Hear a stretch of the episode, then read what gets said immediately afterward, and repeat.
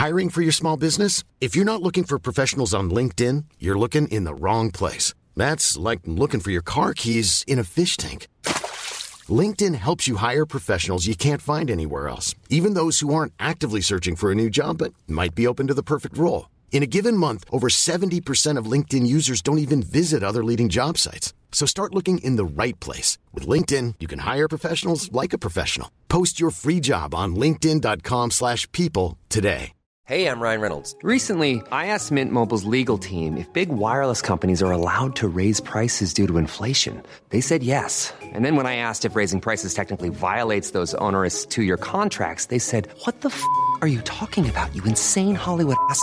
So to recap, we're cutting the price of Mint Unlimited from $30 a month to just $15 a month. Give it a try at mintmobile.com slash switch. $45 upfront for three months plus taxes and fees. Promo rate for new customers for limited time. Unlimited more than 40 gigabytes per month. Slows. Full terms at mintmobile.com.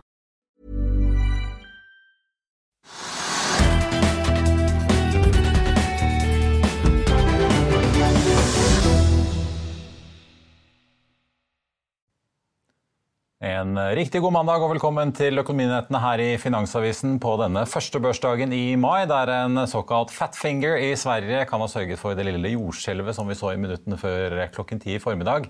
Da børsen i Stockholm plutselig knakk fra en nedgang på 1,2% til nesten 8% Det smittet jo raskt over også til Oslo Børs, som var ned rundt 5% på det verste. Det skal vi straks snakke mer om.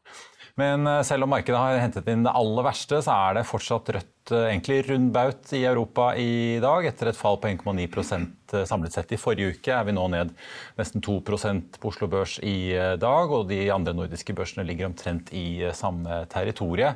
Rundt oss i Europa er det også nedgang, med unntak av Storbritannia, som ligger omtrent i null. Nordsjøoljen er tilbake ned fra rundt 107 dollar som vi så i forrige uke, og ned til 103 dollar fatet i dag. Og den amerikanske lettoljen ligger også og dupper rett under 100 dollar fatet i spotmarkedet. På, altså på, listen over de mest omsatte aksjene så kan vi si at det egentlig bare er Rex Silicon som er oppe i dag. Denne aksjen stiger rundt 3% på rapporter om at selskapets nabotomt i Moses Lake i USA nå er solgt.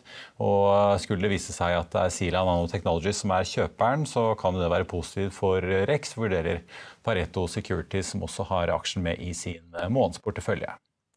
SalMar meldte rett før helgen at de har mottatt aksepter for nesten 53% av de utestående aksjene i NTS. Og det er jo også vilkåret de hadde for å få gjennomført oppkjøpet sitt.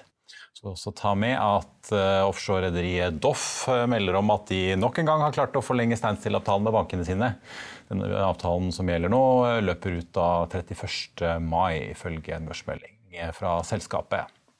Så har oljeselskapet Aker BP sikret seg alle de godkjenningene de nå trenger, både fra Oljedepartementet, Finansdepartementet og Konkurransetilsynet, for å få lov til å kjøpe oljeselskapet Lundin, som da etter planen skal gjennomføres 30. tenkte jeg også skulle nevne at Selv om det ikke er notert på Oslo Børs, så er det kanskje likevel verdt å få med seg danske Vestas, som er kjent for vindmøllene sine slapp resultatene for første kvartal i dag. og Selv om de har en rekord i ordrebok på nesten 49 milliarder euro, som er opp 9,4% fra samme tid i fjor, så er det noen skjær i sjøen å spore i regnskapsrapporten. Resultatet etter skatt falt fra minus 64 til minus 765 millioner euro. Og Graver man litt ned i utsiktene, så finner man kanskje noen tegn til bekymring. For etter invasjonen av Ukraina, nedstenginger i Kina og en økende inflasjon, så oppdaterer nå Vestas prognosene sine for året. De regner med at inntektene vil falle med rundt en milliard euro til 14,5 milliarder euro. De skal fortsatt investere en milliard euro, men de forventer nå en negativ justert driftsmargin på minus 5 til 0% mot en tidligere positiv på inntil 4 Telenor Aker og Cognite går sammen om å etablere et programvareselskap innen industriell IT-sikkerhet kalt Omni. Det ble klart i dag. Og apropos industriell teknologi, Equinor meldte i dag at de har klart å huke tak i Hege Skryseth til å bli deres nye konserndirektør for teknologi og digitalisering etter at Kerry Lockhart forlot selskapet. Skryseth har vært sjef i Microsoft Norge i flere år og har de siste årene ledet Kongsberg Digital, som Kongsberg Gruppen jobber med å få børsnotert.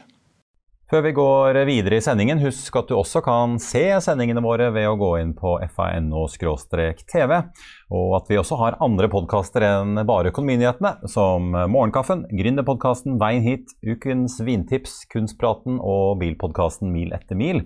De finner du ved å søke Finansavisen, der du hører på podkast. Da skal vi over til eh, dagens gjester. Trygve og jeg har fått besøk av en som vi i Finansavisen har kalt Olav den treffsikre. Og Det er jo fint å ha han på plass på en dag som dette, Olav Chen i Storebrand, for det har skjedd mye i aksjemarkedet i dag. Velkommen til deg og Trygve. Hei.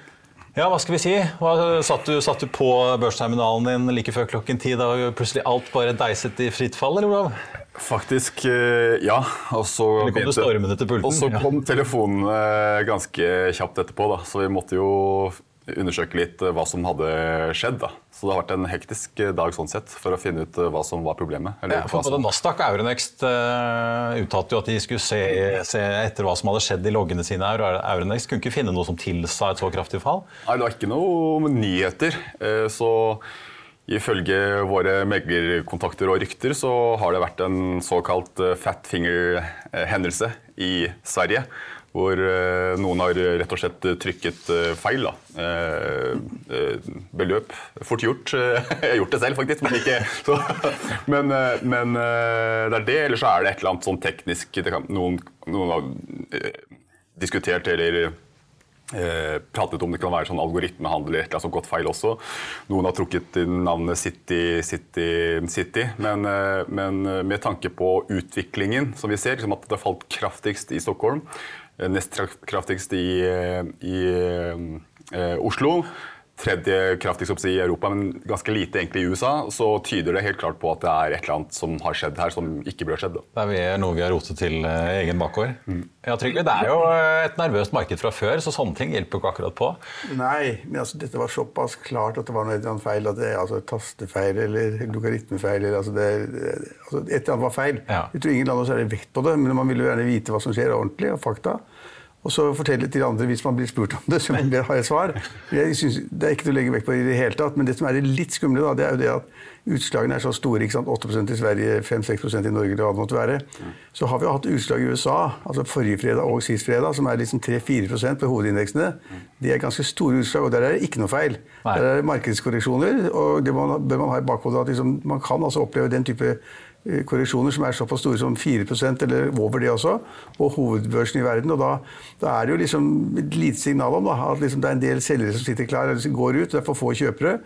Eh, og at det kan skje veldig mye i markedet på veldig kort tid. Så jeg syns liksom det er greit å bli minnet om at eh, det er ikke bare liksom 0,3% vekst eller en fall på 0,4 som teller. Det er, det er, i verden nå, av en eller annen årsak, jeg ikke god, kan ikke si akkurat svaret, så er det så, såpass stor usikkerhet og såpass mange ting som er negative, at man får store utslag. Og da kan man nesten tenke seg i formiddag at Olav sa dere så på det og tenker kan det være mulig? Ja, det kunne, være, det kunne sikkert være mulig, men, men ikke sannsynlig.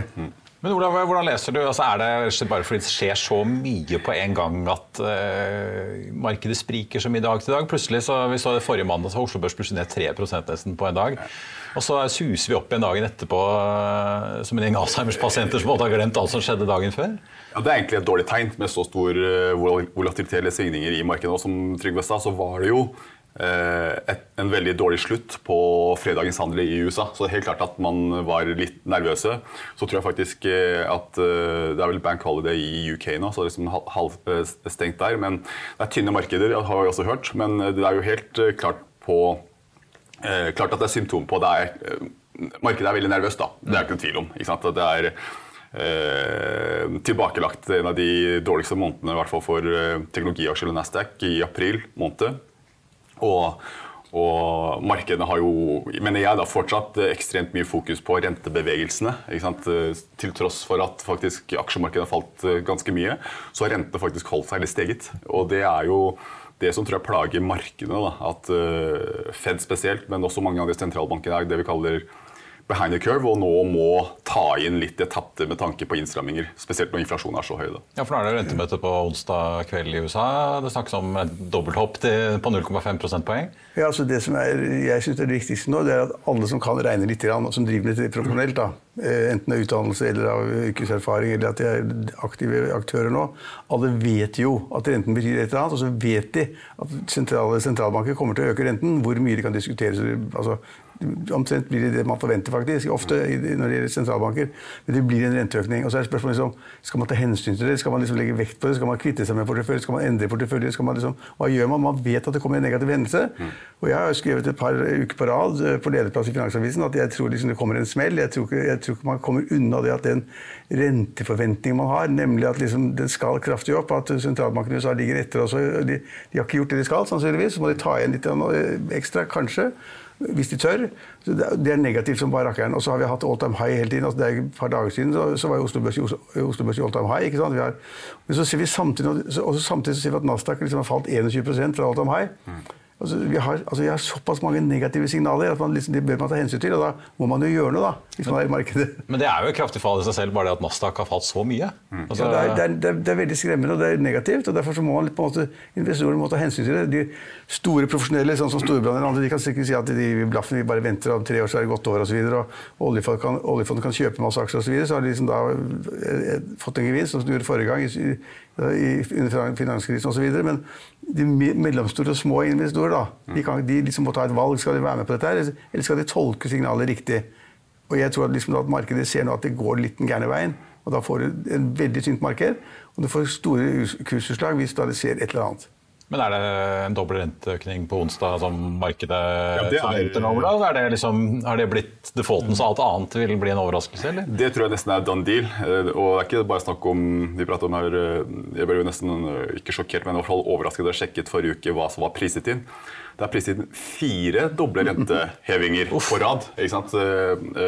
På 0,5 prosentpoeng på ja. de neste fire rentemøtene. Og så skal de fortsette med å heve renten på hvert eneste rentemøte ut eh, året. Så det er jo det er som du sier, det, som, det, er jo, det, er jo, det som er priset inn. Så er det spørsmålet om de klarer å levere, eh, levere det. Jeg syns det er kanskje litt i overkant. Fire doble rentehevinger på rad. Eh, men de har jo et forklaringsproblem nå. Eh, inflasjonen. Det er, apropos, det er faktisk eh, ettårsjubileum eh, denne uken, tror jeg, når det gjelder uttrykket 'transitory', som sikkert dere har pratet om i ett år nå. Eh, og det har jo helt klart ikke vært tilfellet. Ja, At inflasjonen bare var en sånn midlertidig, ja, kortsiktig koronaåpningsaffære, eller hva vi skal kalle det? Ja. ja, De fleste har jo bommet kraftig der. Vi har jo lenge vært bekymret for at inflasjonen ikke er transitory, og vi har jo vridd porteføljen vår deretter. Mm. Unngått eh, rentesensitive sektorer. Vi har tiltet veldig mot, mot uh, verdi og unn unna si, såkalte vekstaksjer og rentesensitive aksjer. Da. Og det er jo påvente av det som vi nå ser eh, spille seg ut. Eh, nei, de, det er jo ikke bare USA. Vi ser jo eh, eurosonen også. Egentlig er Inflasjonen der er på, i Tyskland kom vel for, forrige uke på 30-40 års høy, vel. På, på, og jeg tror ikke vi har sett det verste på matprisene ennå, så jeg tror fortsatt vi ser, eh, ser eh, drag der. Norge er jo henger litt etter. Jeg tror også norsk inflasjon nesten har oppside, eh, spesielt med tanke på hva som skjer på lønnsoppgjøret senere, senere år. Det er jo en tankevekker, Trygve. Vi så jo tallene fra Yara som kom her i forrige uke. De tjente mer i årets tre første måneder enn i hele fjor, selv med skyhøye gassregninger. Det sier jo noe om gjødselprisen i andre enden. Ja da, altså det, det, er mye som kommer til å skje. Apropos økte matpriser, altså. Men jeg, jeg, men altså, jeg tror den prisveksten vi har hatt nå i USA og i euroområdet er høyere enn mange de fleste forventet. De trodde den lå litt lavere, kunne ikke bli så ille. Mm. Og så får de en prisvekst på 7-8% Det er mye, uansett hvordan, du du beregner på det. Og så er det også slik at det er ikke nødvendigvis slik at man får den de renteøkningene som, som prognosene tilsier. Da. Altså, kanskje USA er ikke så god på USA, men når man sier i Norge at man skal få liksom syv renteøkninger på rad på, en kvarting, det er ikke sikkert de blir det. Det kan hende at verden blir slik at de kanskje blir tre-fire, hva vet jeg. Og det er ikke sikkert at de hever da med 0,5 eh, rentepoeng i, prosentpoeng i USA heller. Det kan tenkes at liksom, de har lagt en løype, en rentebane som ligger der, men det, ting kan jo endre seg. Da. Og akkurat nå så er inflasjonen høyere enn man hadde regnet med. Mm. Og så har man slått inn på rentesiden ganske kraftig, i overkant, tror jeg. Det, kan, det er ikke nødvendigvis sikkert at det blir sånn, men det er som Olav sier, hvis, hvis, du ser det bildet vi ser nå, så må du liksom gjøre noe med det. Du må regne med det liksom at det, ja, rentene blir, altså, blir helt annerledes, og det vil slå ut i markedene. Og, og de slår ut på de riktige stedene også. slik at Jeg syns ikke at det som skjer nå er noen kjempestor overraskelse. Det gjør jeg faktisk ikke. Og nå ser vi altså i dag at de aksjene som får smelt på Oslo Børs, det er jo da de aksjene som er, som er måtte blåst opp med helt gale multipler og, og har liten inntjening, og, og, hvor man da liksom ser fremover og liksom, de inntektene de får er så langt frem at du vet ikke hva, og skal du diskutere til dagens marked, så blir liksom verdiene mye lavere. Og det at man kan regne på de tingene der og se på det, og liksom det, det, stemmer, det gjør at markedet er, er, er skummelt fremover. Ja, og også ser vi, vi ser det jo slå ut i kjente selskaper. altså Nordic Semiconductor, Tomra, som har god inntjening på i dag, men du ser jo at de straffes likevel. Ja, Multiplene er for store. De, de har, ja, ja, men ikke sant? det er jo det det går på, selv om man har også inntjening i dag. Ja. Så ser man I dag, dag ser man også det at oljeselskapene, de, som, de aksjene som er korrelert med oljeprisen, de faller i dag 2-3% de også. For oljeprisen har falt 2-3% i dag, og det, det, er en sammenheng. Folk sier det er en sammenheng. Følger, følger sammenhengene, ikke nødvendigvis hele tiden, men, men det, er, det, det, er, masse negative signaler. Og så faller oljeprisen er nå nede i 103 dollar fatet. Mm. Uh, altså det er på vei nedover, og det kan tenkes at liksom alle de som har sagt at det blir kjempehøye oljepriser fordi at man skal stoppe da det russiske oljeporten til EU. At man da får en kjempeøkning i prisene fordi det er for lite olje. Det er ikke sikkert det er riktig. Det kan godt tenkes at prisene er dumpet allerede, og de prøver å dumpe olje i andre land eller Østen, hvor det måtte være. Og det er ikke sikkert at liksom prisene går rett opp, for at folk er tilpasningsdyktige. Landet er tilpasningsdyktige. Sier ikke at det er lett, enten det er Tyskland eller andre land som da trenger olje, men de er tilpasningsdyktige, så det blir kanskje ikke det der kjempehoppet i oljeprisen som mange tror. Så allerede nå ser man tilpasset faller den, så faller også oljeselskapene i Norge. Olav, hvordan leser du eh, situasjonen i, i Kina, som jo, vi har fulgt egentlig med ganske stor interesse en stund nå, om disse veldig strenge nedstengningene som de har kjørt i, i særlig da Shanghai. Eh, Europrissjefen sa i forrige uke at de ser at havnene fortsatt er, altså de holdes jo åpne, sånn at handelen går jo fortsatt. Men han var ikke sikker på om han fikk varene sine til høsten som han uh, var blitt lovet. Han hadde fått sommervarene, mente han, eller sa han. Eh, hvordan leser du det som skjer i, Kina? Er det en fare for at ting blir verre der nå? Det kommer på toppen av sant, eh, flaskehals og inflasjon. Det hjelper ikke akkurat på det med verdikjeder og flaskehalser og prispress på det området heller. Man trenger ikke heller svakere vekst i Kina. Men jeg tror det med lockdown, at du får det vi kaller oppdelt konsum eller eh, pent up demand senere, det tror jeg markedet eh, uh, kan forsone seg litt med. Men det som var viktig, var også at man fikk signaler fra myndighetene i Kina at de kommer til å begynne å stimulere igjen. Men det som markedet fryktet, var jo at Shanghai var kanskje første byen, og så skulle Beijing falle og, andre, og resten av Kina stenge ned ordentlig. Men slik de signalene som har vært nå, er at det blir bare massetesting. Det blir ikke like Eh, kraftig nedstengning i Beijing som i Shanghai. Og jeg tror, Ifølge mine kontakter så har vi på en måte passert uh, det verste i forhold til lockdown i Shanghai. Det er uh, snakk om å åpne faktisk i disse dager, og i hvert fall midten av mai. Men det hjelper ikke akkurat i forhold til en situasjon hvor veksten i resten av verden allerede er fallende, inflasjonen er høy. Det vil føre til at Eh, og, og få vanskeligheter med å få tak i varer, og at prisene blir bydd opp eh, enda mer og inflasjonsforventningene stiger eh, enda mer. Men jeg tror ikke det blir noe Hva skal jeg si hard landing i Kina, for å ta det begrepet igjen. Da. Men Problemet her er jo at uh, myndighetene uh, har et problem med tanke på den policyen som de kjører på med omikron uh, og de harde tiltakene. Det er gått nesten litt prestisje i det, spesielt i forhold til hva som skal skje i høst i forhold til folkekongressen og sånn osv. At de ikke kan fremstå som svake i forhold til den strategien som de har valgt. Så de bare fortsetter egentlig der. De kan ikke snu, eller det er for sent å snu? på en måte? Det er for sent å snu, og det blir en prestisjetap i forhold til den strategien som har blitt valgt i Kina. For det har egentlig vært hele veien, at de skal slå ned alt. egentlig egentlig av tilfeller. Eh, så, så, det er jo det markedet er bekymret for, at det her er ikke over selv om kanskje Kina, nei, Shanghai blir åpnet opp. Det kan blusse opp uh, omikron andre steder i Kina. Og sånn sett blir fortsatt ganske isolert. da. Men, uh, men, men, myndighetene er i gang med å stimulere igjen. da, Så får vi se hvilke effekter det vil få for den, den økonomiske aktiviteten. Men, men, det som er litt skummelt, er det at som du er inne på, altså, den økonomiske veksten i mange andre land er altså sviktende. Mm. Den er ikke negativ, den er sviktende. Lavere, lavere, vekst enn man hadde regnet med. Hvis du da også får en lavere vekst i Kina, da, litt lavere enn man hadde regnet med, så er det liksom, effekter slår ut i oljepris, de slår ut i mange andre rare ting. ikke sant? Så du får en effekt av at det er, går litt saktere. Og så vet vi ikke hvordan krigen i Ukraina liksom ender, hva ender opp med. liksom Hvor langt skal det slepes av gårde? Hvilke konsekvenser får det liksom, for penger som skal inn dit, penger som skal hentes andre steder? altså, litt, Krigen spiller en viss rolle fortsatt. Og, og, og, når det er krig, så er det vanskelig for landene rundt omkring i Øst-Europa til liksom få god vekst og liksom alt er bra. Det er ikke sånn det er. Folk mister jobbene sine, og de mister produktene, de mister kundene sine. Eh, det er så mye som skjer innen, altså innen Ukraina og, og, Russland og alt det som er rundt, og i alle, alle nabolandene. Så det, kan ikke være noe positivt i det. Det er negativt. Da, så jeg er redd for at liksom, det er litt for mange negative faktorer som kommer etter hverandre. Fra da fundamentale forhold som renter, oljepris osv. Det, er, det er de skumle greier. og Da, da vil jeg, da vil jeg liksom rotert porteføljen min litt. litt grann. Det var en som spurte meg forleden Trygve, du er jo så forsiktig. Liksom, og du får, du får, Hva gjør du, Trygve? Ja. Du får sikkert ikke penger i banken. Nei, det er helt riktig. Jeg får bare 0,4 rente. Som var på vei oppover. Men, men, men, men bekymrer meg ikke, for jeg vet at det er ikke noen aksjer som faller 50 det er sant. Det er, det, er liksom, det er, veldig mange mennesker som sitter i aksjer da, innen grønne sektoren eller hva det måtte være, som har falt 40-50% og da, da, da, da, er verden slik, og da må man, ta, da må man liksom tenke at ok, da er 0,4 kanskje bra likevel. Mm. Ja, for Man kan jo begynne å lure når man ser hvor mye Nasdaq er ned, og hvor mye det svenske markedet har vært nede i år. altså Om man snart har nådd bunnen på en del av disse mer vekst- og tech-orienterte segmentene.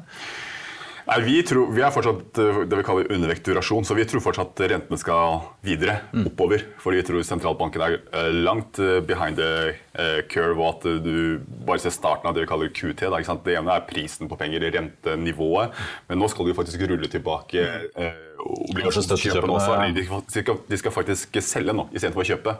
Og det trekker fra sånn, sånn, sånn sett likviditeten fra markedet. I USA så snakkes det om at de skal hvis man har brukt ordet pengetrykking, da, så blir det pengemakulering eh, i en hastighet av 100 milliarder i måneden fremover. Som, som antakeligvis blir annonsert nå faktisk på, på rentemøtet. Og det er jo ikke bra fra et eh, finansmarkedsståsted. Selv om jeg vet at er, akademia er litt uenighet om hvorvidt pengetrykkingen har bidratt til det jeg kaller asset reflation. liksom Blåse opp alle aktive prisene. Jeg tror at det har gjort det, men i akademia så har jeg fortsatt litt uh, blandet uh, si, forståelse hvorvidt det er tilfellet. Men jeg mener med all den pengetrykket som har vært, har ført til at alt har steget av pris. Selskapsobligasjoner, statsobligasjoner, aksjer, eiendom, alt har blitt blåst opp. Når du på en måte Man må sette pengene et eller annet sted? på en måte, Ja, ja at man på en måte, pengene må ut uansett. når man øker balansen i sentralbanken såpass mye. Og når du gjør det motsatte, så bør jo fortegnet være motsatt, tenker jeg da. Eh, så enkel er min, eh, min tolkning på dette. Men bare én ting i forhold til eh,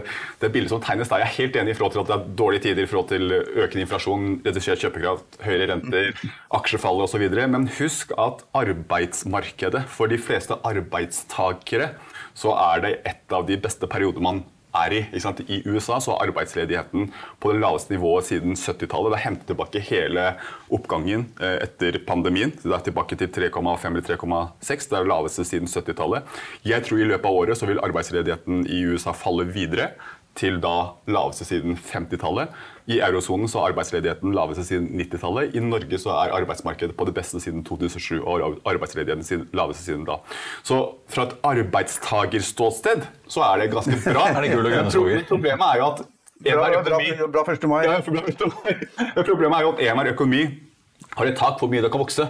Eh, er du på det kokepunktet der, så fører det til lønnsvekst. I USA ser du lønnsvekst på 5-6 Derfor jeg sier jeg tror eh, lønnsoppgjøret i Norge blir veldig spennende, for det er sentrale oppgjør. Eh, det blir ikke spennende, for vi vet at Vi vet det. Hver dag leser avisen et nytt oppgjør på overhengen. Det er 3,7 uansett. Og det gjør jo at da sant, at kjøpekraften opprettholdes i hvert fall enn så lenge litt til. Da, og det fører til at etterspørselen er såpass høy, og man fortsetter fortsetter, kan kjøre karusellen litt eh, til. Men det føler, når du har nådd taket, så er eh, enden på visa ofte kun en eh, lønns- og prisspiral som er negativ fra et økonomisk ståsted. Og Det er den sentralbankene må banke ned nå, og det, det blir vanskelig. Det, men det er altså, veldig, veldig, spennende å se Siste Economist. Jeg har hele forsiden av på Fed. Og de sier, skriver der sin leder at det, altså Fed ligger så langt bak, skjønner ingenting. og de, altså nå, de, de, skjønner ikke hvor langt de er kommet. Og Hvis vi skal liksom da gripe inn og bremse opp dette her, så blir det katastrofe. Så de sier at liksom Fed har sviktet helt, sier de. Det er kanskje noe i det. da, At de har vært seint ute. Kunne begynt tidligere. 8,5 eh, inflasjon er jo ganske saftig, som de har ligget på borti USA. Det er et tegn på at de ikke har gjort jobben sin på et riktig tidspunkt, kanskje. Nei, som sagt, De har sagt transitory Okay, de stoppa Sea si transitory i desember, var det, de tok det uttrykket, men det var de som begynte med uttrykket for ett år siden. Men det var først i desember At de på en måte innså og tok det tapet og gravde ned eller pensjonerte det uttrykket. da. Ja. Og så er det jo en boligprisvekst i USA i enkelte byer som ikke ligner grisen nå. Det er 20-30% ja, bilpris som kan på, på årsbasis. Bare så på de MBS-rentene, eller mortgage Amerikanerne binder jo boliglånsrenten sin ganske langt. da, men hvis du så på 30-årsrenten 5 eh, altså. Tenk deg, liksom, det, er jo, det er det de må Når de skal refinansiere nå, boliglånet sitt, 5% har det kommet på nå 30 års Det ligger på 2-3% ja, ja, Og det, er, det, tror jeg kommer til å merkes når folk skal refinansiere eller jeg er glad i det 30 års uh, fastbrent avtale. Ja, Du er også litt inne på det, Olav. Altså at, vi, at vi nordmenn kanskje har kjøpekraft og vil kanskje holde økonomien oppe, men det er noen som sier det at den, når pengene er liksom tatt bort på høyere bensinpris, høyere eh, strømpriser, høyere matpriser osv og du ser på den lønnsveksten vi får, og trekker fra skatten, så blir det ikke, det er en debatt nå som går litt med finansministeren og et par andre, men det er ikke så veldig mye igjen, altså. Kjøpekraften etter å ha trukket fra de åpenbare prisøkningene som kommer, som da, du kan måle ganske godt. Det altså, det er ikke noe særlig vekst i kjøpekraft i Norge når de er gjort, regnestykket er gjort opp etter skatt. Jeg er enig, og bare vent til de renteøkningene i Norge kommer på, synlig på bankkontoen også. Det tror jeg ikke de fleste har fått med seg. Når Kjerstin Bråten og Snorre Storstedt begynner å faktisk trekke på, på autotrekken på starten av måneden. Eh, til slutt tenkte jeg, Nå er vi jo midt oppe i resultatsesongen. Er det noe som har overrasket deg? Jeg har jo sett noen, eh, altså, Netflix var liksom det store sjokket, falt jo 30% Men er det noen sånne tall eller noe som har overrasket deg, enten i Norge eller utenlands? Ikke overrasket, men eh, det er vel mer sånn som også eh, Trygve sa. De selskapene som har litt uh, luftige multipler ikke sant, og ikke leverer, de blir straffet hardt. Så sånn sett så funker jo markedet. Det er ikke sånn at uh, alt blir straffet. Og jeg har jo sagt det med Netflix blir jo trukket frem her. Ikke nødvendigvis bare at de er i potter som tech-kategorien, men men eh, jeg mener vi fortsatt er i en gjenåpningsfase også. Der har du litt luft, tenker jeg, da, sånn vekstmessig. Husk at omikron, i hvert fall i Norge og mange steder i Europa, var bare to-tre måneder tilbake, mm. så var det jo nesten en type form for igjen, unnskyld, eh, nedstengning eh, også. Og når man, når man, eh, når man nå istedenfor å ville gå på restauranter og liksom eh, bedriftsarrangementer osv., så, videre, så vrir du jo selv meg. Du bruker mye mindre tid hjemme nå på Teams eller strømmer eh, TV eh, enn under på en måte, hjemmekontortiden. Da. Og Det tror jeg også er et eh, relativt globalt fenomen i USA, hvor man ser på en måte at folk kan, ja, da, Inflasjonen er kjempehøy i USA. ikke sant? Matpriser stiger, energipriser. Da må du jo faktisk kutte forbruket et eller annet sted. Ikke sant? Og da er jo det enkleste å kutte faktisk et Netflix-abonnement. Eller apropos jeg tenkte på Komplett som kom med sine tall for ikke så lenge siden. Og netthandel litt sånn på impuls. Det er eh, det, det forsvinner nå. ikke sant? Man går heller ut og spiser og drikker, mener jeg. da. Så jeg mener I Oslos utelivsbransje så da er det jo der, der er det sånn her, ikke sant? Eh, hvor man ikke får tak i bord på, fra bra restauranter, og du har ikke tilgang til arbeidskraft. Da. er mitt inntrykk. Ja, jeg synes Det er et kjempe, kjempebra kommentar. fordi Jeg var ute for det med noen ansatte her i firmaet også. Det er fullt overalt. Det er vanskelig å få bord. og når vi var der, så var det altså alle drakk og spiste. Liksom, ingen så på prisene. Ingenting. Altså, vi er inne. Men det, var, det er en, altså, en sånn boomaktig tilstand. Altså, folk bruker penger ute nå. Har man sittet inne i halvannet år eller to år, så synes det er jævlig kjedelig. Enten med familie eller ikke familie. Og, og da går man ut. Og så firmaer som da på en måte trenger å ha sine møter de ikke fikk før, og nye budsjettmøter og ledelsesmøter, hva, hva man kaller det. Det er fullt overalt. Og selv på mine to hoteller, som er ganske små, spiller ingen rolle i det økonomiske bildet. Helt fullt hele tiden nå. Så jeg tror at Nå bruker folk penger, og da bruker de mindre på Netflix osv. Men likevel så var det jo et sjokk da så kursen falt 36% på én dag på Netflix. Og jeg syns også det var et sjokk på fredag å si at Amazon falt 15 eh, Altså da tenker jeg liksom, hva er Det som får... Det er ikke smågutter på, på børs, det? den type kursutslag. altså Det er ganske store, det er store selskaper, det er store kursutslag. Så det er liksom, det er, det er grunnleggende galt når liksom, man får resultatet når man kan tenke seg på Netflix. Og jeg vet ikke helt hva som er skjedd på Amazon, det er jeg ikke helt sikker på, liksom businessen, men i alle fall når det faller 14% eller 15% på en dag, så er det noe, liksom, det er noe skummelt der ute. Så Jeg liker ikke å si liksom, at det er ull, ull og alt er så farlig. og sånn. Vi gjerne vi har liksom baserer på fakta, noe som vi forstår. Det skal en sammenheng. Men det er grunn til å tenke seg ganske godt om nå, før jeg satte mye penger i, i aksjemarkedet nå. Det er helt sikkert. Ja. Du, dere, dere får kose dere ut med en eh, øl i solen, begge to. og eh, takk for at du kommer, da. Da skal vi eh, videre, for eh, det er en liten eh, tro og spor i analytikerstanden på noe comeback for Tomra. Mer om det og hvem som har sluppet inn i Paretos porteføljevarme, det blir det mer om i dagens aksjetips. Er det nå man bør kjøpe Itera og Aker Biomarin, og hvem slipper inn i Paretos porteføljevarme? Det er mandag 2. mai, og mer om det og andre analytikernyheter får du i månedens første aksjetips. Pareto tar nå og dobler kursmålet og jekker opp anbefalingen på HR og læringsselskapet Mintra og sier kjøp med et kursmål på syv kroner. Det er eh, bl.a. eksponeringen mot olje- og gassnæringen som bidrar til dette, der det jo har vært svingende tider tidligere, men nå går det jo som det griner. Selg eller hold og kutt i kursmål det virker å være gjennomgangstonen til analytikerne når det kommer til Tomra-aksjen, etter at pante- og gjenvinningsselskapet slapp sine tall på fredag. Tallene bidro til å sende aksjen kraftig ned, over 7% på Oslo Børs. Mandag fortsetter nedgangen litt til, til litt over 360 kroner. Karl Jørgen Flåen i Pareto Security sier nå hold på 400 kroner. Daniel Haugland i ABG sier hold også på 400 kroner, mens Truls Engene i SEB legger seg på 375 kroner i sin holdanbefaling. Niklas Gehin i DNB Market sier imidlertid selv på 310, og skriver i en oppdatering at han over tid forventer at Tomra overfører kostnadsøkningene til sluttkundene sine, og at inntjeningen i selskapet normaliseres, men at han fortsetter å mene at aksjen er overpriset. Pareto er ute med deres modellportefølje, og for mai måned så kommer Austevoll Seafood, Gjensidige Forsikring, Hafnia, Rex Silicon og Valinus Wilhelmsen inn i porteføljen.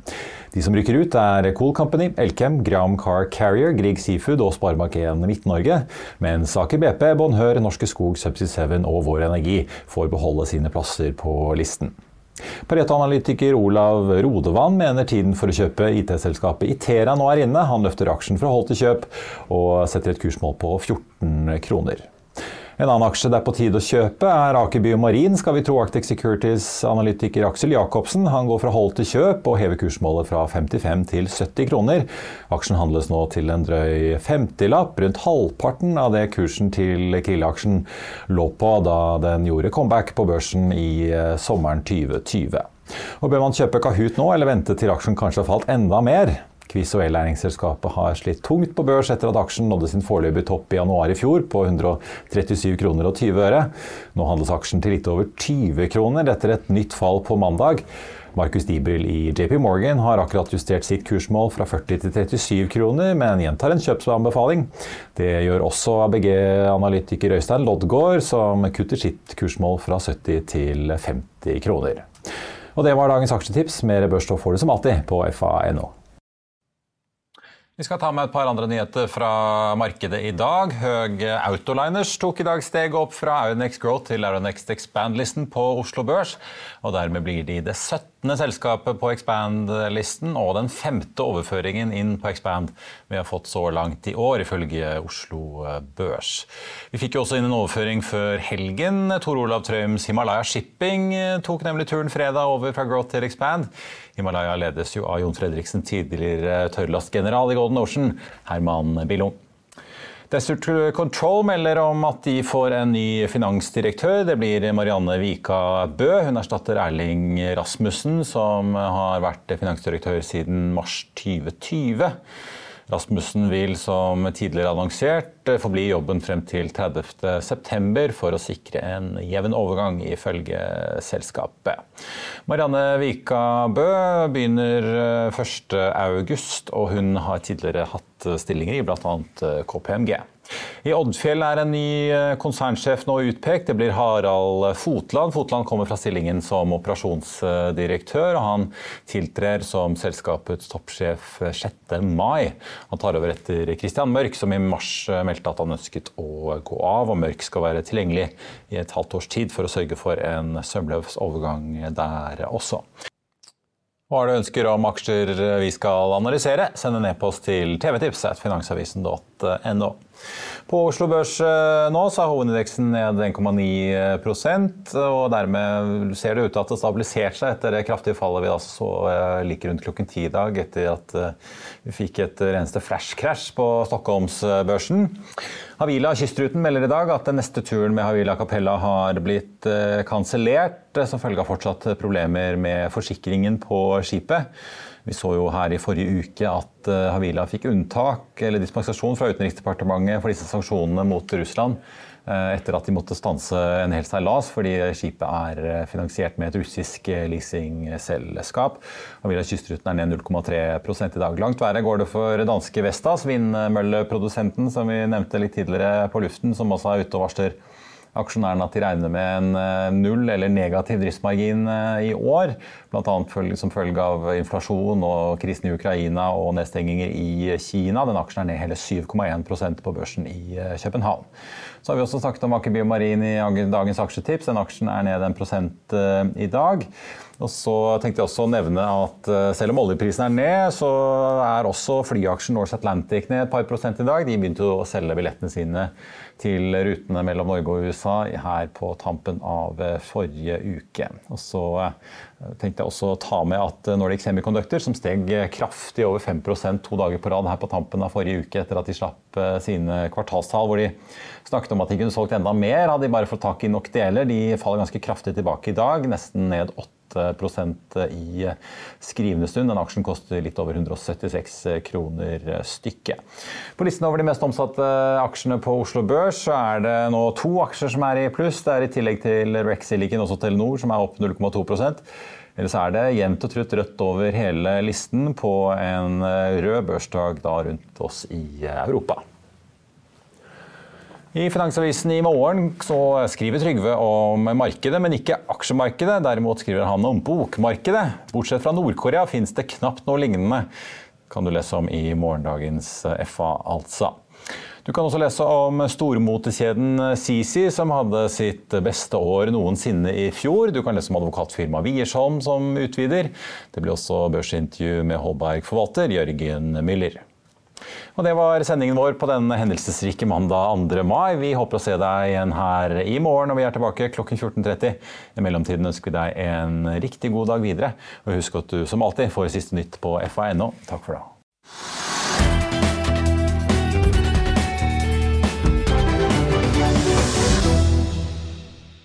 Økonominyhetene er en podkast fra Finansavisen. Programledere er Marius Lorentzen, Stein Ove Haugen og Benedikte Storm Bamvik. Produsenter er Lars Brenden Skram og Bashar Johar. Og ansvarlig redaktør er Trygve Hegnar.